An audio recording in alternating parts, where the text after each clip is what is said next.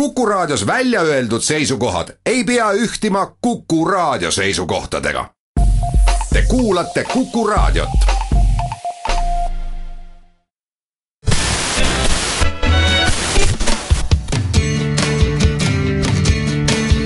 Radio Talsinki.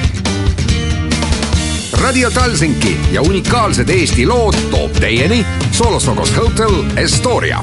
Radio Talsinki Tervetuloa jälleen Radio Talsinki-ohjelman pariin. Täällä Mannermaan Vilman kanssa istutaan nenät vastakkain ja ihmetellään maailman menoa. Moikka vaan munkin puolesta. Siitä on nyt sitten 15 vuotta aikaa, kun tornit alkoi luhistumaan Vilma. Näin on, eikä ihan vaan tällä itekseen luhistumaan, vaan ihan tällä len- lentokoneella kaadettuna, että on kyllä var, varmasti yksi semmoisia niin kuin lähihistorian asioita, mikä, mikä on kyllä muuttanut tämän maailmanmenoa aika paljon. Kyllä, ja sitten alkoi ajojahti sen jälkeen ja kaiken näköinen muu touhuaminen, mitä siellä Afganistanissa ja muussa sitten tehtiin ja vankileirit ja taka-ajot ja kaikki muutkin liittyy tähän aika vahvasti.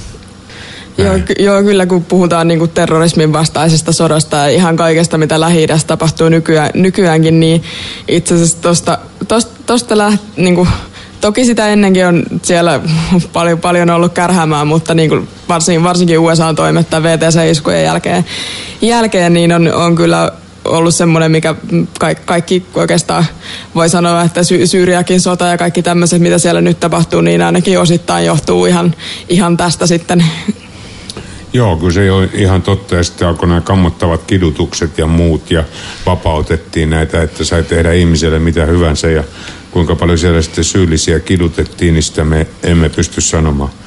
Niin ja sitten ihan, kun, ihan kun miettii, toki, toki tämmöiset asiat, kun miettii ihan esimerkiksi tämmöistä, niin että kun ikään kuin tästä alkoi, varsinkin, varsinkin USA niin kuin tämmöinen pelon ilmapiiri, niin ihmiset on myöskin ikään kuin luopunut myöskin sitten ihan melkein vapaaehtoisesti oikeuksista, että kun puhutaan näistä kaikista NS, NSA-skandaaleista ja muista tämmöisistä vakoiluskandaaleista, niin nekin myöskin hyvin läheisesti itse asiassa liittyy, liittyy tähän, että niin kuin siihen, että pitää saada enemmän tietoa ihmisistä ihan vaan sillä varjolla, että mitä jos ne onkin terroristeja. No siellä on tosiaankin valtava koneisto Jenkkien sisällä ja vakoillaan ihmisiä oikeastaan tehokkaammin kuin Herbert Hooverin aikana. Sinä et Herbert Hooverista taida paljon tietää, mutta siinä se oli varsinainen, varsinainen kaveri ja minun mielestäni tuki myöskin Ku Klux Klania, että odotetaan nyt, että jos Trumpista valitaan presidentti, niin Ku Klux Klanikin varmaan sieltä sitten jälleen saa tiukat tuet sinne etelävaltioihin. Joo, mä en edes halua ajatella, mitä, mitä jos, jos Trump olisi presidentti ja USAhan tehtäisiin terrorisku, niin mitä sen jälkeen tapahtuisi, niin tää, se on aika semmoinen mielikuva, että toivon, että sekä hänestä ei tule presidenttiä ja myöskään tällaisia terroriskuja ja sitten ei tapahtuisi, koska se voisi olla kyllä mielenkiintoista, että se voisi, voisi olla vielä tästä George Bushista niin vielä pikkasen, pikkasen seuraava, seuraava aste sitten nämä seuraamukset. Joo, kyllähän varmaan olisi aika järkyttävä presidentti ja No en tiedä, kyllä siellä tietysti omat luurangot on Rouva Clintonillakin kaapissa, ettei hänkään mikään, mikään tuota Kennedy kyllä ole. Ja valitaan näistä kumpi vaan, niin uskoisin, että yhdistyne Yhdysvallat saa huonomman presidentti, mitä niillä tällä hetkellä on. Joo, var- varmasti. Ja toki eihän siis tosiaan ei, ei ole ihan puhtainen Clintonkaan, mutta toisaalta sitten kun vertaa tähän Trumpin pätevyyteen, niin, niin onhan se kuitenkin ihan eri, eri tason, tasoinen kuitenkin presidentti olisi kyseessä, jos Clinton, Clinton sinne valitaan, että että kuitenkin se, sen verran eroaa vielä näillä kahdella henkilöillä. Että toki, toki on sinänsä sääli, että, että esimerkiksi äh, Bernie Sanders ei sitten demokraateilla päässyt sitten, päässyt sitten tänne oike, oikeisiin vaaleihin mukaan. Niin hän olisi ollut varmaan paras ehdokas näistä kolmesta. Niin ja se on, se on myöskin, jos vaaleista puhutaan, niin vähän huvittavaa, että monet näistä ihmisistä, jotka nyt on, on Trumpin puolella, niin heille oikeasti se paras ehdokas olisi ollut Bernie Sanders, mutta, mutta tota, ehkä, ehkä sitten hänen sosiaalis, sosiaalismipuheen puheensa, niin sitten vähän pelastettivat ihmisiä. Niin, siinä saattoi käydä. Mutta me seuraamme myöskin Viron vaaleja ja Jyrken Likki siellä oli televisiossa taas ja hän oli hyvin, hyvin vihaisen oloinen. Jollakin tavalla naurattaa tämä tämä tuota, reformipuolueen nämä vanhat niin sanotut sarvikuonot siellä, siellä, jotka ajattelivat, että he saa puhaltamalla Sim Kallaksen presidentiksi. Ja nyt kun ei niin käynytkään, niin sitten kehon kieli ja, ja tuota, sellainen, niin antaa sellaisia vihaisia merkkejä. Eikö se ole aika hauskaa, Vilma, että eikö sitten esiintymiskursseja tai jotkut, jotain ei ole käyty? Niin, tai ehkä sekin voi olla taktiikkaa, että näyttää sitten avoimesti tunteensa, että ehkä se, ehkä se sitten myöskin vetoaa ihmisiin, eihän sitä tiedä.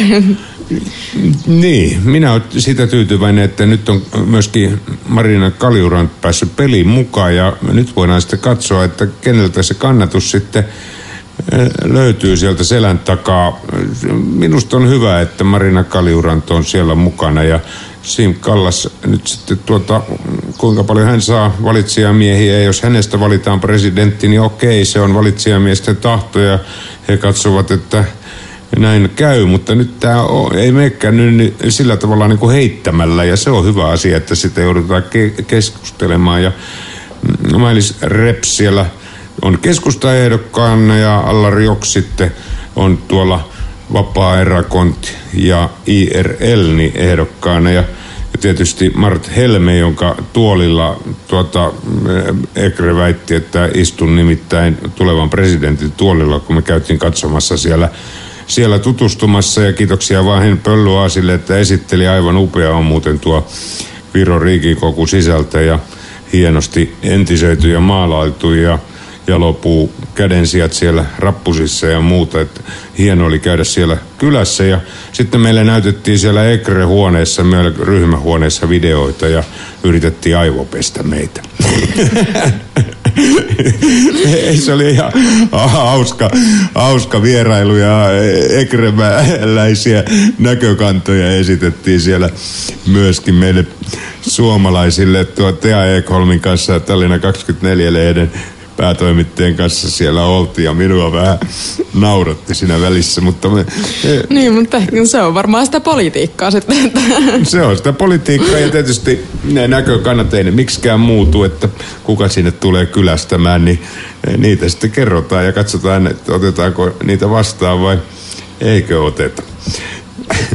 Minä laitan tähän nyt seuraavaksi tuohon jakamaan seuraavan jutun välille, niin, niin tuota, Nasse Sedän hyvin, hyvin vihainen. Muistatko, kun Nasse Setä oli hyvin, hyvin vihainen? Kyllä, kyllä. Niin tuli tästä mieleen tästä Jyrken Likistä tämä Nasse Setä, kun hän siellä televisiossa on ja on hyvin, hyvin vihainen.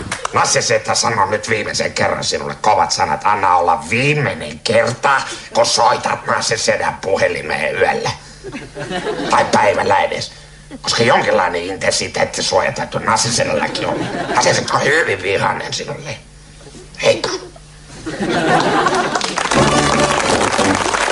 Jatketaan sitten Sankarit-elokuvan kuvausaiheella ja minä kävin siellä Viru-hotellissa tutustumassa. Kutsuttiin sinne tällaiseen tutustumistilaisuuteen ja jos ei joku tiedä missä on Viru-hotelli, niin se on heti siinä Estoria-hotellin vieressä se isompi torni. Estoria-hotelli on meitä ollut tukemassa jo pitkään tuota ja näyttäisi, että Solosokos Hotel-ketju on myöskin täällä elokuvan takana tukemassa näitä asioita. Ja siellä tosiaan oli tämä tilaisuus, missä sitten tutustuttiin.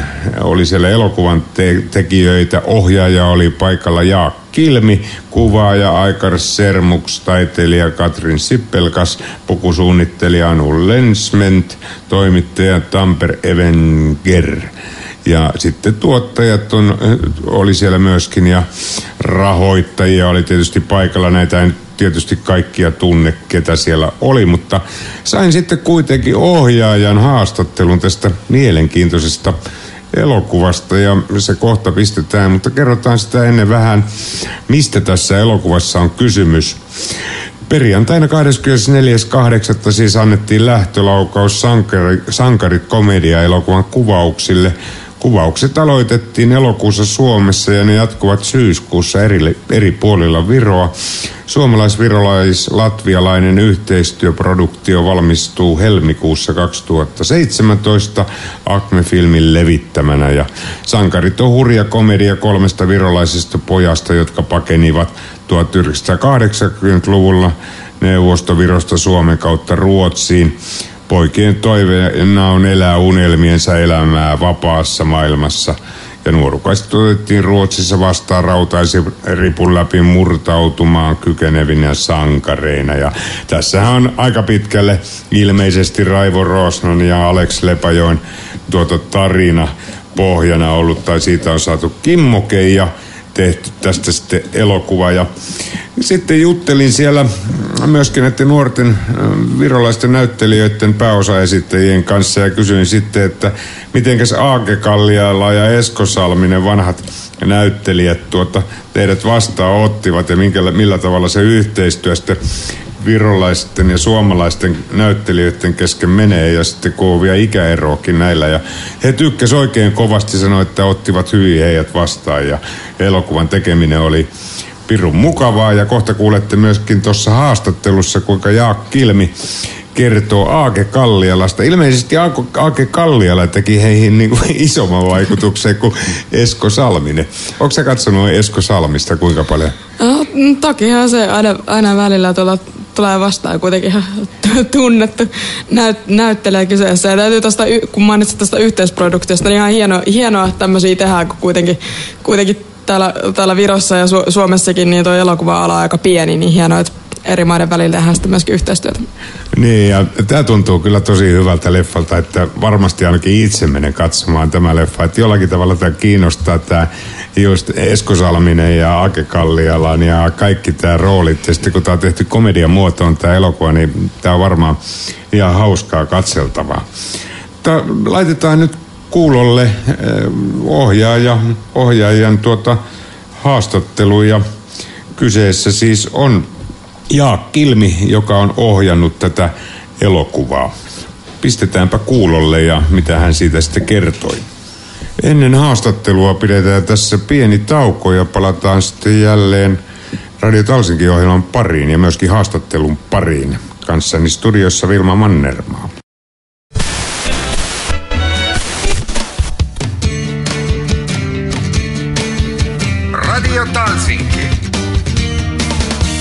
Radio Talsinki ja unikaalsed Eesti lood toob teieni Solostokos Hotel Estoria. Radio Talsinki. No niin, sankarit-elokuva alkaa siinä sitten valmistua ja, ja tuota, koska sen ilta alkaa olemaan? No ensi ilta tulee olemaan ensi vuoden alussa. Öö, suunnitelmien mukaan jo helmikuussa. Voitko vielä sanoa nimeä, kun ei millään jäänyt mieleen, anteeksi vaan. Niin, öö, minun nimeni on Jaak Kilmi ja olen sen elokuvan ohjaaja. Joo, aivan. Ja oliko tässä suomalaisia näyttelijöitä mukana tässä sankarit? Mikä on tuota suomalaisten rooli tässä elokuvassa? Rahoittaja, tu, yhtenä tuottajana mukana? Niin, äh, kyllä niin kuin, äh, se on yhteistuotanto. Äh, Viro, Suomi, Latvia. Ja tietysti on mukana äh, su- suomalaista rahaa ja näyttelijöitä. Ja näyttelijöitä, näyttelijöiden kartti on aika iso. Meillä on äh, 17 suomalaista näyttelijä elokuvassa. Että tehdään suomalaista, puoleksi suomalaista elokuva. Esko Salminen ja Aake Kalliala on nimet, joita ei tarvitse, tarvitse kai niinku tutustaa. Ei, var, ei, va, ei varmasti, kyllä. Ja tota, miltä tuntuu yleisesti ottaen niin suomalaiset näyttelijät ja virolaiset näyttelijät, niin miten se homma pelaa? Onko niissä jotain isoja eroja semmoista luonteessa tai jotain muuta, joka näkyisi ohjaajan näkökulmasta tässä elokuvassa tai yleensäkin siinä tekemisessä? On, meillä on niin vanhemman sukupolven näyttelijöitä, siis keskimmäisen sukupolven näyttelijöitä ja, ja nuoremman sukupolven näyttelijöitäkin, että, että aika, siis kaikki näyt, siis mä en, mä en pysty niin kuin, kertomaan niitä eroja, mitkä ne onko niin näyttelemisessä tai, tai metodiikassa jonkinlainen ero, mutta, mutta vaikka se mulle on jo su- suuri asia, että, että Aake Kalliala on, on kuvauspaikalla ja tekee hirmu hauskan roolin siellä. Aake Kalliala, äh, joka on ollut niin kuin, niin kuin lapsu, lapsuuden, voi olla, että äh, huumorisankari, tiedätkö, kerron sinulle hauska tarina, oli ennen keittiömestarina Suomessa ja semmoinen paikka oli kuin tuota kaivohuone Helsingissä, jonka omisti muuten Rene, Reni Harlin ja, ja Markus Selin, aika tuttuja nimiä varmaan filmintekijälle ja ja tuota, Aake Kallialla oli mennyt vähän pidempään siinä illalla ja istui siellä keittiömestarin kopissa ja teki tilauksia, teki, teki tilauksia siellä. Tuota, no hänelle ei ollut mitään tekemistä sen radi, äh, ravintola kanssa, mutta hän on myöskin luonnostaan ja tosi hauska. On, on kyllä ja, ja, ja se, se rooli, missä nähdään äh, Aake Kallialla, äh, ja Esko Salminen, siis ne on niinku taistelupari meillä elokuvassa. Niin se, se on hirmu hauska ja, ja olen jo yrittänyt keksiä, mm, missä elokuvassa voisin vielä käyttää Aake, kirjoittaa Aakelle roolin, kun se oli niin, niin, se on niin mahtava tyyppi. Kyllä, Aake tosiaan ja Pirkka-Pekka Peteliuksen kanssa aikanaan jo teki näitä e, e, erilaisia rooleja, va- vaikka mitä pulttipoissia ja, ja kaikki suomalaiset kyllä muistetaan. Mutta, mutta myös Esko Salminen, joka on myös mulle TV-stä tuttu, kun poikana tallinnalaisena poikana olen katsonut niin paljon Suomen, te- Suomen televisiota elämäni aikana, että, että kiva on nähdä ne kasvot, joita olen nähnyt eh, joko TV-stä tai elokuvaa, elokuvista omalla kuvaspaikalla, että se on, se on hirmu, hirmu hauskaa. Tämä on virokielinen elokuva. Tämä on äh, meillä puhutaan puoleksi Viroa ja Suomea elokuvassa. Siis suomalaiset näyttelijät, näyttelijät puhuvat sittenkin suomea, pojat puhuvat suomea heidän kanssa, että se on puoliksi Suomi-Viroa. Se on aika hauska kuulosta varmaan se elokuva ja katsoa sitä. Se on, ja, ja, se on varmaan aika luonnollistakin, kun katsoo ravintola-elämää ja muuta, missä suomalaiset ja virolaiset istuvat samassa pöydässä. Olen täällä elänyt itse 19 vuotta, niin siellä menee kielet niin sekaisin, että en menikö ne muuten elokuvassa sekaisin? Joo, kyllä ne menee sekaisin. Joo, joo, että, että sitä kielihuumoria, kyllä sitä, sitä meillä on. Että joo, se se kieli, äh, kielimaailma, jossa elettiin vuonna 1984, oli, oli äh, aivan toisenlainen kuin nyt. Että, että se suomen kieli oli TVstä opittu ja, ja, ja, ja sitä virolaiset puhui niin kuin suomalais-virolaisittain tai virolais virolainen suomen kieli oli ihan toisenlainen kuin se se, Riikin Suomi.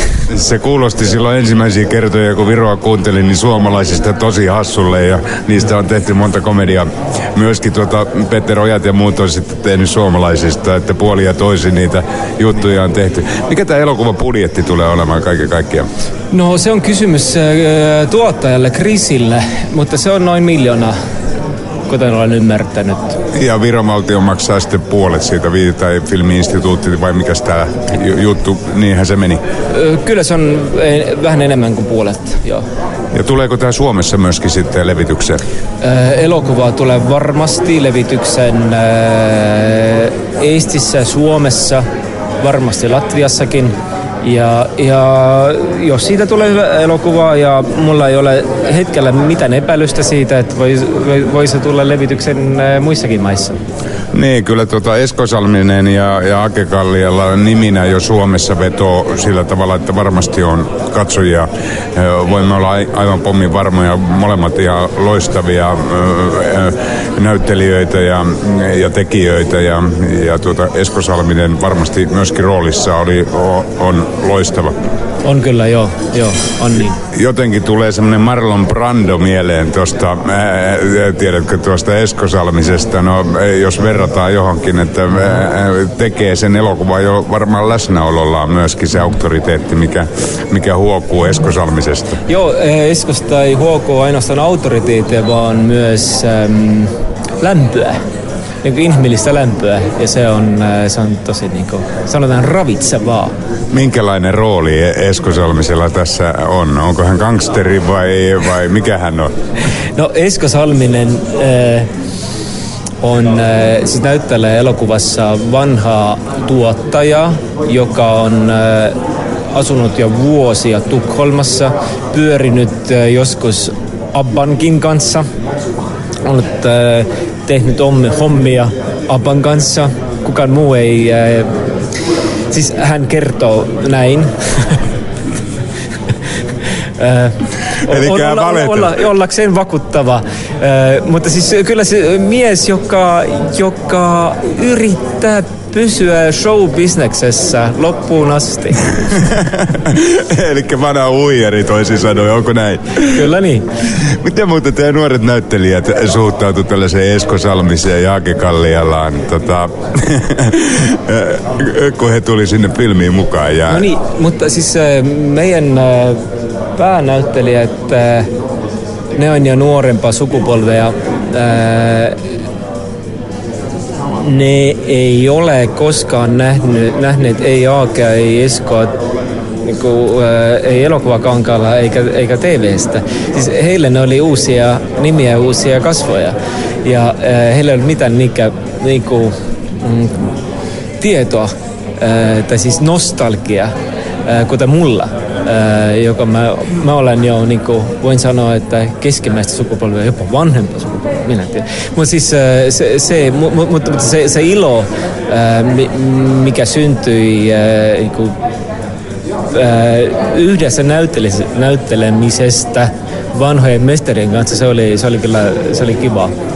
se on, tämä elokuva täytyy kyllä ehdottomasti mennä katsoa. Täytyy sanoa, että tätä kiinnostaa. Että kiinnostaa varmasti, no, nyt kun kuulen siitä, en, tulin suoraan tota, suorasta lähetyksestä ja niin paljon en ehtinyt paneutua tähän, kun olisi pitänyt tähän tuota teidän elokuvaanne, mutta nyt e, oikeastaan se on hyväkin siinä mielessä, että saa sen tunnetilan itseensä, että miltä se kuulostaa, kun nyt kun kerrot siitä, siitä että minkälainen se elokuva on ja mitä siellä on sisällä, niin saa semmoisen luonnollisen. Ja tota, mä kyllä äh, ehdottomasti niin e, herättää niin paljon mielenkiintoa, että mä uskon, että Suomen puolella myöskin katsojaluvut tulee olemaan melkoiset. Ja toivon sitä tosiaankin, että saataisiin näitä yhteiselokuvia vielä enemmän. Et kinnustahan me, olen, me ollaan naurettu ja siinä tuota muuten virolaisten kommentit oli sellaiset, että muistat varmasti elokuva Kinnunen. Kyllä, joo, joo. Niin kukaan muu ei olisi voinut näytellä sitä suomalaista tolloa, joka siinä näytteli kuin suomalainen. Et virolainen ei olisi voinut sitä roolia, roolia näytellä. Niin oliko teillä tässä elokuvassa sellaisia rooleja, mitä ei olisi voinut virolainen näytellä? Uh, ihmistyyppeinä ei ole, ei ole meidän elokuvan niin suomalaiset mm, mitenkään erilaisia niin virolaisista, mutta, mutta se, se, se, se konteksti, se, että, että ne on niin vapaassa maailmassa asuneita suomalaisia. Että se, että se, ää, sen näkee jo sen Marlon Brandomaisuudesta, ää, mitä ehkuu Esko Salmisesta. Että, voi olla, että, että se on... Että se, se, on, se on kai se, että ää, niin iso, ison elokuvan maailman kokemus. Minä kiitän oikein kovasti tuota, tästä haastattelusta ja jäädään mielenkiinnolla odottamaan, että mitä sieltä tulee ja varmasti taatusti kannattaa meidän kaikkien suomalaisten myöskin lähteä sitä, tätä elokuvaa katselemaan. Onko sulla jotain vielä, mitä sä haluaisit sanoa ihmisille tuonne? Öö, ei, se kyllä siis... Öö, mä uskon, että, että se elokuva tulee olemaan hauska ja, ja mä olen aina tehnyt komedioita ja, ja mä en ole päässyt irti, en ole vieläkään päässyt irti 80-luvusta. Ja se minun 80-luku on, on niin vahvasti sijoittu niin kuin Suomeen ja suomalaisuuteen, että, että taas ollaan tekemisissä saman luvun ja, ja, ja, ja Suom, Suomen kanssa. Niin, se on tuttu luku myöskin minulle itselleni ja, ja, ja tota, se oli hauska vuosikymmen, sanotaanko näin. Kiitoksia paljon ja, ja, ja me jäädään mielenkiinnosta odottamaan ja sitten lähdetään porukalla katsomaan filmiä, kun se saadaan valmiiksi. Laitetaanpa tähän sitten aiheeseen sopiva piisi perään. Me ollaan sankareita kaikki ja J. Karjalainen.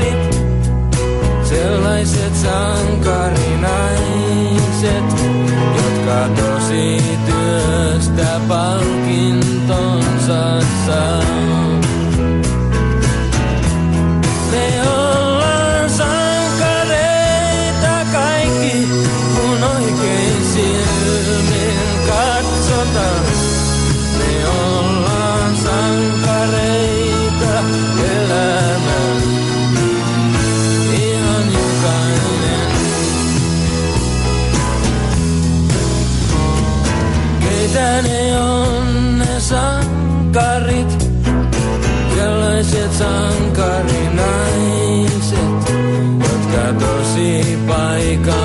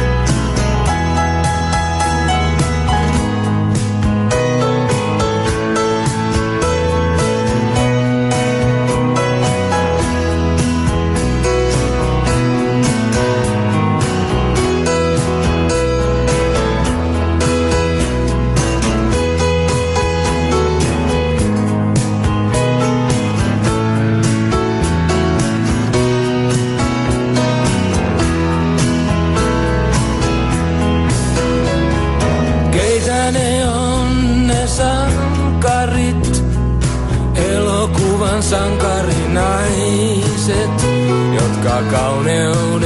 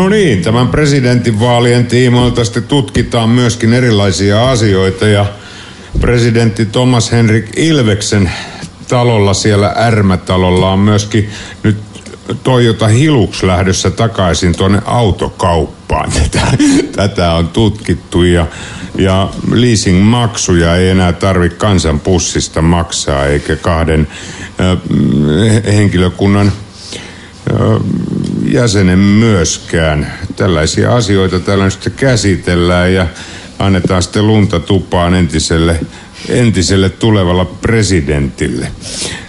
Mitäs mieltä? Niin, no tämmöisiä toimia varmaan kannattaa tehdä, kun presidentti sieltä pikkuhiljaa lähdössä, mutta eiköhän sinne kuitenkin varmaan esimerkiksi uutta autoa tarvitse tilalle, kun uusi presidentti tulee. No, no tämä on kato tämä hänen omalla talollaan, tuolla Ärmä-talolla, missä minäkin kävin tuota katsomassa ihan hieno paikka. Ja itse asiassa tämä ei ole niin kuin mikään presidentin äh, äh, tota, sellainen talo kuin Suomessa on tämä Niin. Mäntyniemi.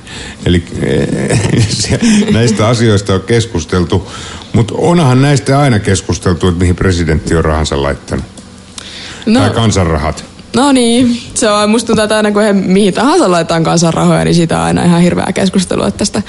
Ja vaikka toki pres- presidentistä tietenkin, kun se henkilöityy tämmöiseen, mutta kyllähän niin kuin esimerkiksi musta tuntuu, että siitä lähtien kun Yle-vero on tullut, niin joka ikiseen Yle-juttu voi aina kom- kommentoida, että ai tällaista kun asiaa tehdään verorahoilla, että se on aina, aina vähän semmoinen juttu. Niin Yleisradio muuten täytyy 90 vuotta, että onnea vaan Yleisradio yhtiölle.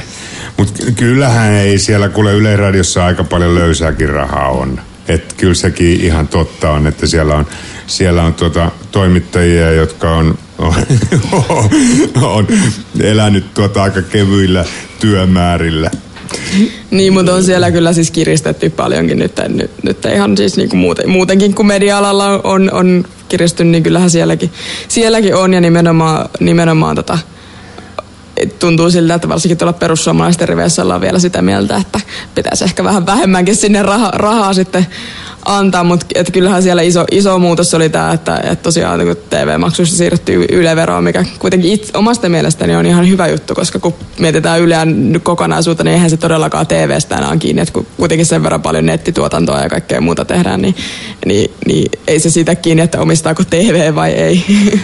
On, onhan se ihan tosi tärkeää, että valtiolla on oma yleisradioyhtiö, että siinä mitään, mutta televisiosta tuli sellainen, komediatapainen juttu joskus tuosta yleisradiotoiminnasta, että kuinka siellä viinaa juotiin ennen ja eh, tänä päivänä se varmasti ei sitä ole, mitä se oli joskus 60-70-luvulla, että eh, uskon, että siellä on kyllä tuhlattu jonkun verran tota, pitkiin lounaisiin rahaa.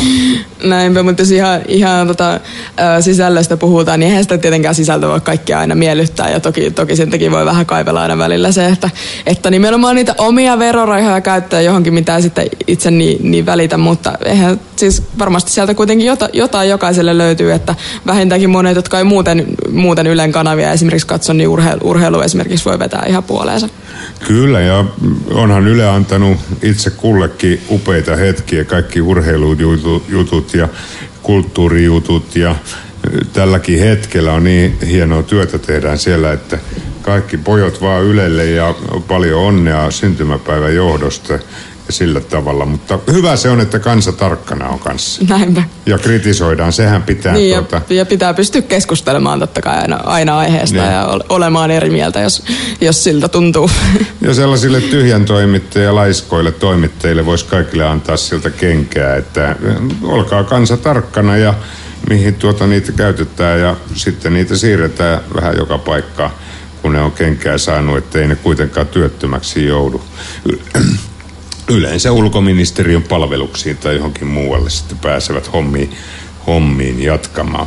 Mutta laitetaan tämä presidentti Toyota Hilux laulu mm, tuota teemalla, niin Toyota Mark 2, ihan samasta autosta ei ole kysymys, mutta tähän oli hieno biisi ja sopii oikein hyvin tähän presidentti Toyota teemaan.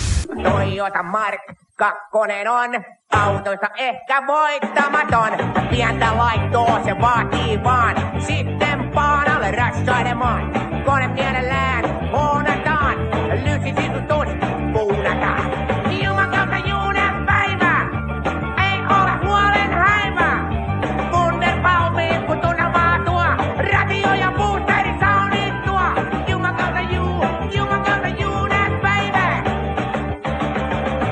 Talvikiekoista nepennästä pois. Kireemmät iskarit ollaan pois. Pukkivat helmat kitataan. Romarilta renkaat roudataan. Kaljalla takakoti täytetään.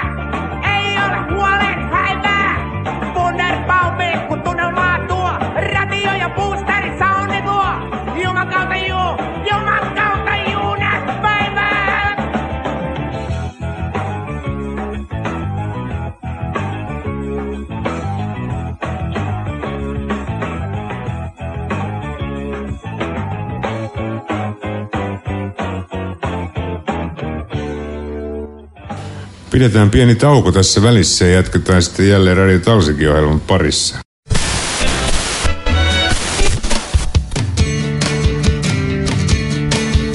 Radio Talsinki. Radio Talsinki ja unikaalsed Eesti lood toob teieni Solosokos Hotel Estoria. Radio Talsinki. Radio Talsikin ohjelman parissa jatketaan ja Vilma Mannermaa täällä kanssani. Seuraavaksi sitten vähän mainostetaan meidän tapahtumaa jälleen lauantaina. On sitten semmoinen Suomi-Viro musiikki-ilta ja nyt saadaan vieraaksi tänne Doppone bändi, joka soittaa rock, blues, soul musiikkia ja kysy- kysymyksessä siis ei ole mikään hilipili bändi, vaan kunnon soittajia ja 50-60-luvun kamaa on sitten tulossa. Että me toivotetaan kaikki tervetulleeksi. Vitosen lippu otetaan tukilippu siellä tuota, ovella ja Dokpone varmasti pistää jalat heilumaan. Eli rockapillimusiikista ei ole kysymys. Mitäs mieltä sä oot tommosen- ton tyylin musiikista? No kyllähän, kyllähän siis no rockia niin muutenkin itselläkin tulee aika paljon, aika paljon kuunneltua, niin mikä siinä, jos siinä on vähän blues ja soul on mukana. Ja mitä sä sanot, kun ne on niin vanhoja jätkiä, jotka tulee, ne on jopa minustakin vanhempia, ajattelin. Artelin Tero, joka on bändin liideri ja sieltä Helsingin seudulta he ovat tulossa, niin vaikuttaako se niin kuin, että minkä ikäiset siellä lavalla on? No ei, ei nyt si- sinänsä, varsinkin monissa, monissa niinku tämmöisissä tunnetuissa artisteissa, niin nämä on ihan legendaarisia, voi olla ihan tämmöisiä niinku mel- melkein, melkein elä, eläkeikäisiä. Ikäisiä, että itselläkin just, just tuossa kesällä Flow-festivaaleilla Helsingissä muut, muutama viikko sitten niin tuli ihan ikkipop nähtyä, että se on kuitenkin alkaa ik- ikää jo olla ja hyvin se siellä veti, että eipä siinä mitään. Niin eikä sillä ole mitään väliä, että minkä ikäinen. Tota, itsekin voi katsoa nuorempaa esiintyjää ja digata pirusti, että jos on hyvää kamaa, niin eihän se niin kuin musiikki sillä tavalla suoraan voi ajatella, että se on jollekin jonkun ikäiselle, jos sä tykkäät jostain musiikista. Niin, niin siis nimenomaan se on kiinni, kiinni siitä, niin kuin, että miellyttääkö se musiikki. Toki, toki on huomannut, että ei esimerkiksi vä- välttämättä kaikkien vanhempaa yleisöä tämmöinen niin uudempi esimerkiksi, esimerkiksi niin kuin rap hip hop välttämättä niin kuin miellytä niin kovasti, mutta jos miellyttää, niin mikä siinä, että eihän se niin kuin, si, siitä kiinni, niin kuin, että kuinka nuori se esiintyjä on tai mikä, mikä se tota, musiik, musiikkimaku on, että varmasti niin kuin nuoremmalle sekä vanhemmalle yleisölle niin paljon yhteistä löytyy. Niin, se on, näinhän se on. Nyt laitetaan muuten sellaista kaveria kuin Chappi Sester, Let's Twist Again soimaan ja tää on aika hyvä biisi, vaikka olisi kuinka vanha biisi. Kuunnellaanpa se pois.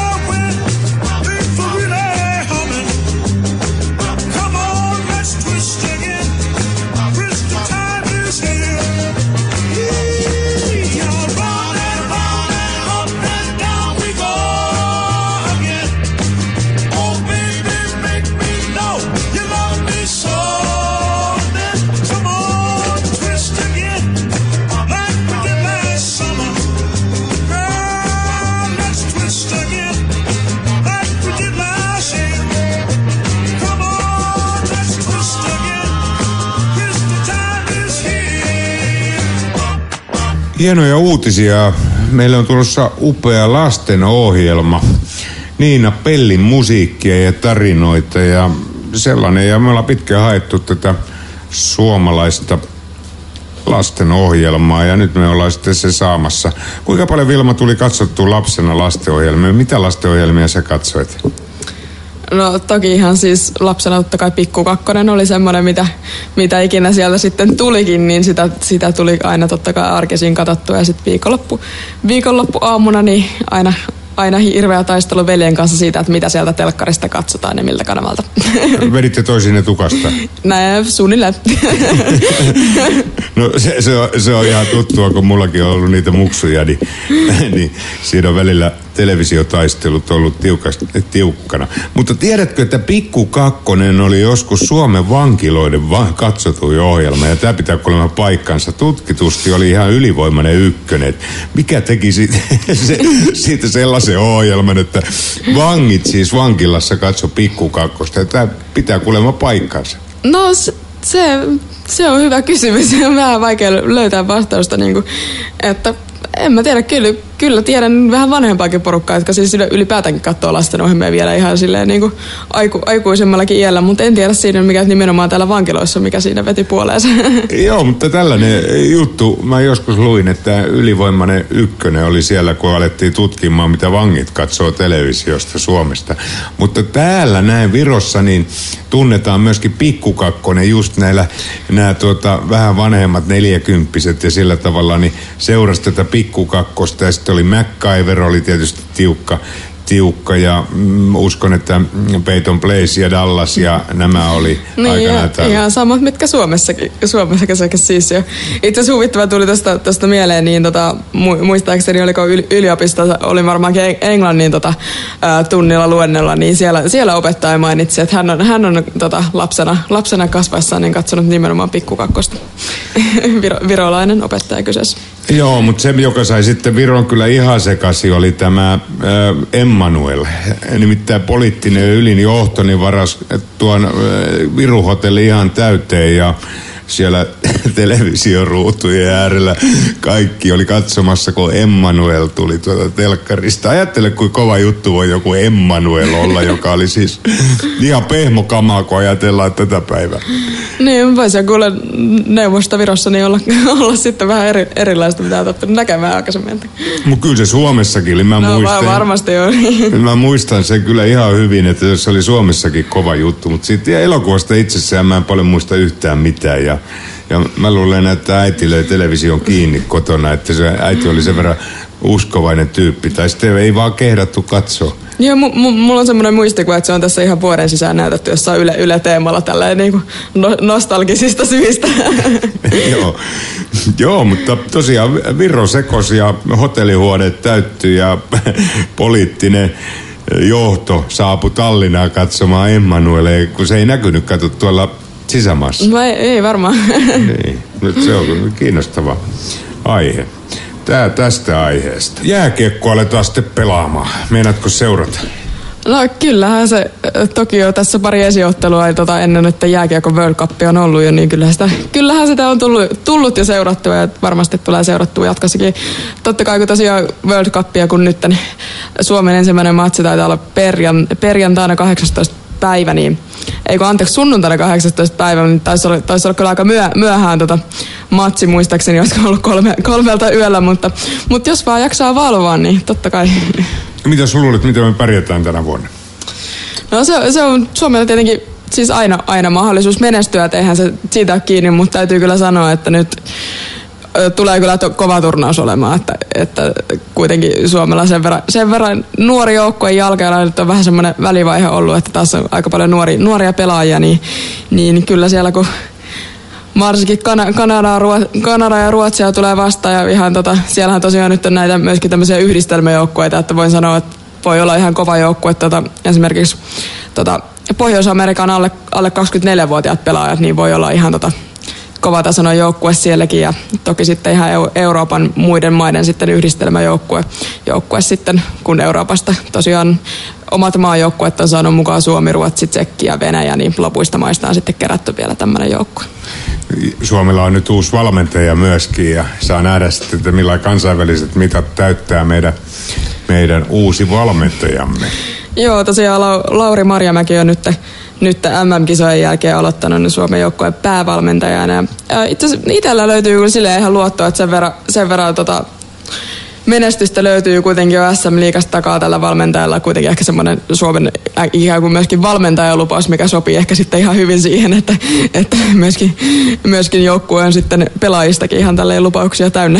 Kyllä siellä silti taitaa Marjamäen poloit vähän väristä, kun ison maailmaa, isolle kirkolle lähdetään pelaamaan niin sanotusti ja NHL kaverit on siellä vastassa, niin on hiukan erilaista, kun lähdet sieltä Oulusta Kälviälle. Joo, on, on totta, totta kai, mutta mut siis sinänsä ihan niin kuin, kun on puhu, puhuttu joskus, joskus siitä, että voisiko olla mahdollista, että NHL niin joskus, joskus valmentaisi suomalainen valmentaja, niin, niin sinänsä mahdollista. En tiedä tietenkään Marjamäen omia suunnitelmia, mutta onhan se ihan mahdollista, että hän voisi olla sitten ehkä se ensimmäinen, kun sen verran nuo- nuori kuitenkin vielä on, että olisi, olisi aikaa sielläkin sitten uraa luoda, niin tämä olisi ehkä ihan hyvä semmoinen lähtökohta siihen. Näinhän se on ja onhan siellä suomalaisia kovasti ennenkin ollut. Niin, mutta ei päävalmentaja siis ei ole NHL ollut vielä yhtään suomalaista valmentajaa, mutta toki, toki siellä apuvalmentajina löytyy, löytyy kyllä tällä Oliko hetkellä. näin? Kyllä. Eurooppalaista valmentajaa en ole ihan varma, että onko semmoistakaan ollut. Voi, voi olla, että siellä on joku, joku ehtinyt käydä, mutta suomalaista ei ollut. Tämä muuten mä tarkistan, että missä, missä tota noin, hommissa tämä yksi meidän valmentajamme oli siellä, nimittäin apuvalmentajana ainakin ollut. Joo, apuvalmentaja tot, totta kai on, on, Muistatko on nimeä? ollut. Öö, ei, nyt, Oliko nyt, Matikainen vai kuka siellä oli? En, en pysty kyllä nyt. Me tarkistetaan tämä seuraavaan, seuraavaan lähetykseen, mutta kyllä siellä oltu on ja kekäläinenhän siellä on kovissa Joo, ase- tota, kyllä GM siellä Kolumbuksessa. Niin, että kyllä siellä kovissa asemissa kuitenkin suomalaisia on ollut. Ja nyt laitetaan hyvä biisi tähän viimeiseksi. Padam, padam, padam. Se sopii tähän virolaiseen vaalipombotteluun, mitä tällä hetkellä on menossa. Ja laulajahan on aivan upea Edith Piaf.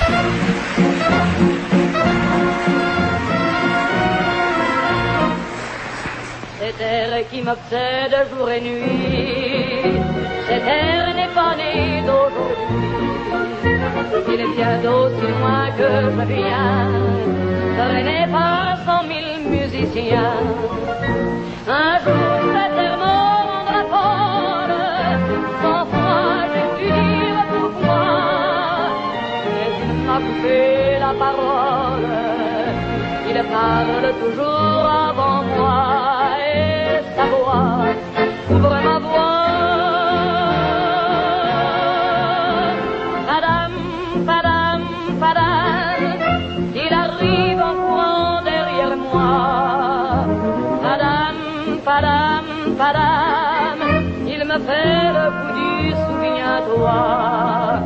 Padam, padam, padam, c'est un air qui me montre du doigt.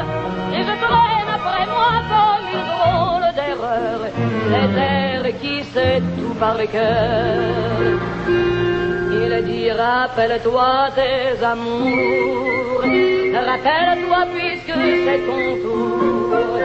Y a pas de raison pour que tu ne pleures pas, avec sur les bras. Et moi, je revois ce qui reste, mes vingt ans font battre tambour. Je vois s'entrebattre des gestes, toute la comédie des amours sur cette terre qui va toujours. Padam, padam, padam, j'ai je t'aime de 14 padam, c'est toujours qu'on achète au rabais. Padam, padam, padam, et veux-tu en voilà par paquet? Et tout ça pour tomber jusqu'au coin de la rue, sur l'air qui m'a reconnu.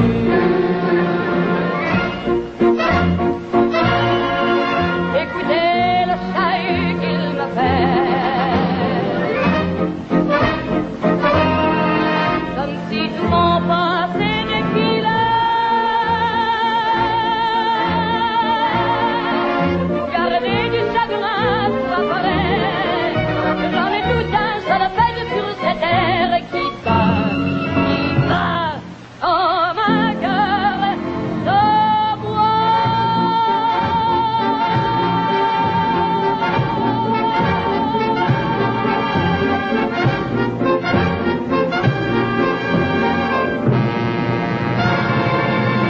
Kaikki vaan sitten lauantaina Dogponea katsomaan sinne Alfredin pubiin ja bussi numero 36 ja 23 ja junallakin pääsee Rahumäellä ihan viereen. Ja nyt sanon moi moi kaikille.